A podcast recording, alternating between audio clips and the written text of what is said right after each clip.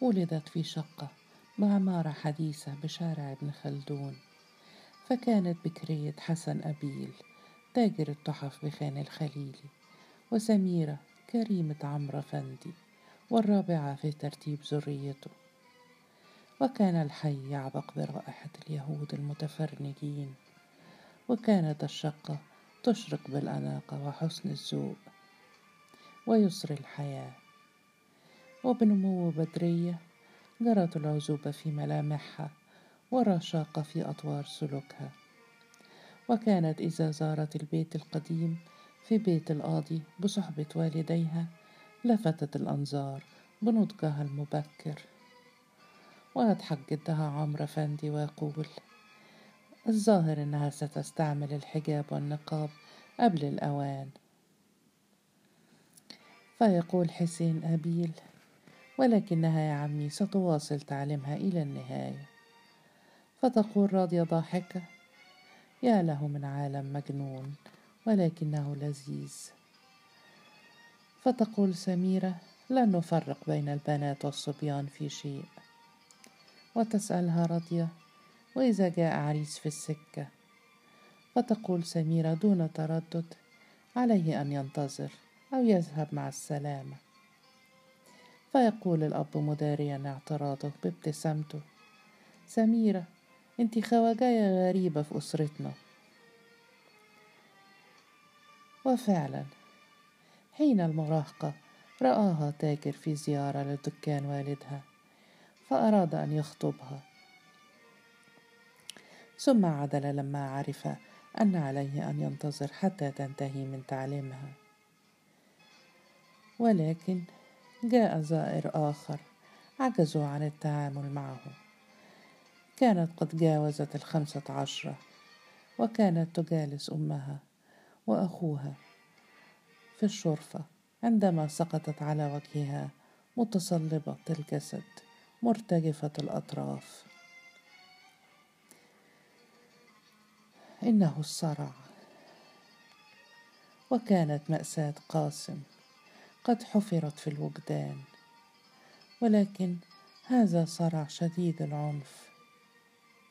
واستدعي الطبيب ونصح بالراحة وتغيير الهواء ومزيد من لين المعاملة. وانقطعت عن المدرسة. وحلت في عينيها النجلاوين مكان النظرة المتألقة. أخرى خيبة. ذاهلة وتلاشى الحوار وحل محله هذيان واستغاثت سميرة بأمها وقال حسين أبيل لو كانت تملك نفعا لنفعت به ابنها. ولكن سميرة لم تأخذ بذلك المنطق وجاءت راضية ببخورها ورقاها وتعاوزها. وطافت بالبنت أضرحة الأولياء وآل البيت ومضى الحال من سيء إلى أسوأ فلم يبق منها إلا خيال.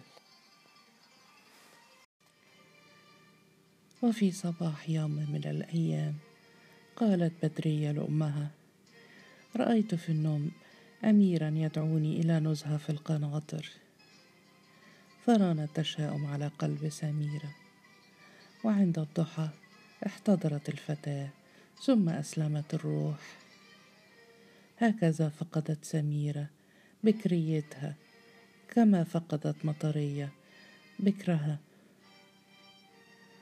ولكنها فقدتها وهي في أوج صباها.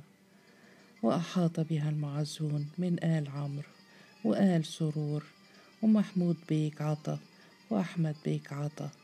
وعبد العظيم باشا داوود.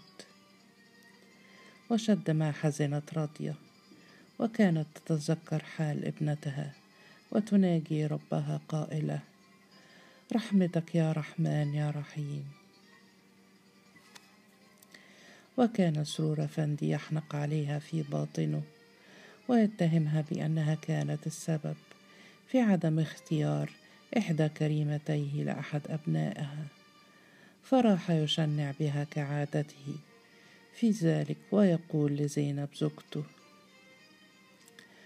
كل ذلك موروث عن أسرتها فما من رجل بها أو امرأة إلا وبه مس من الجنون وهي في مقدمة الجميع.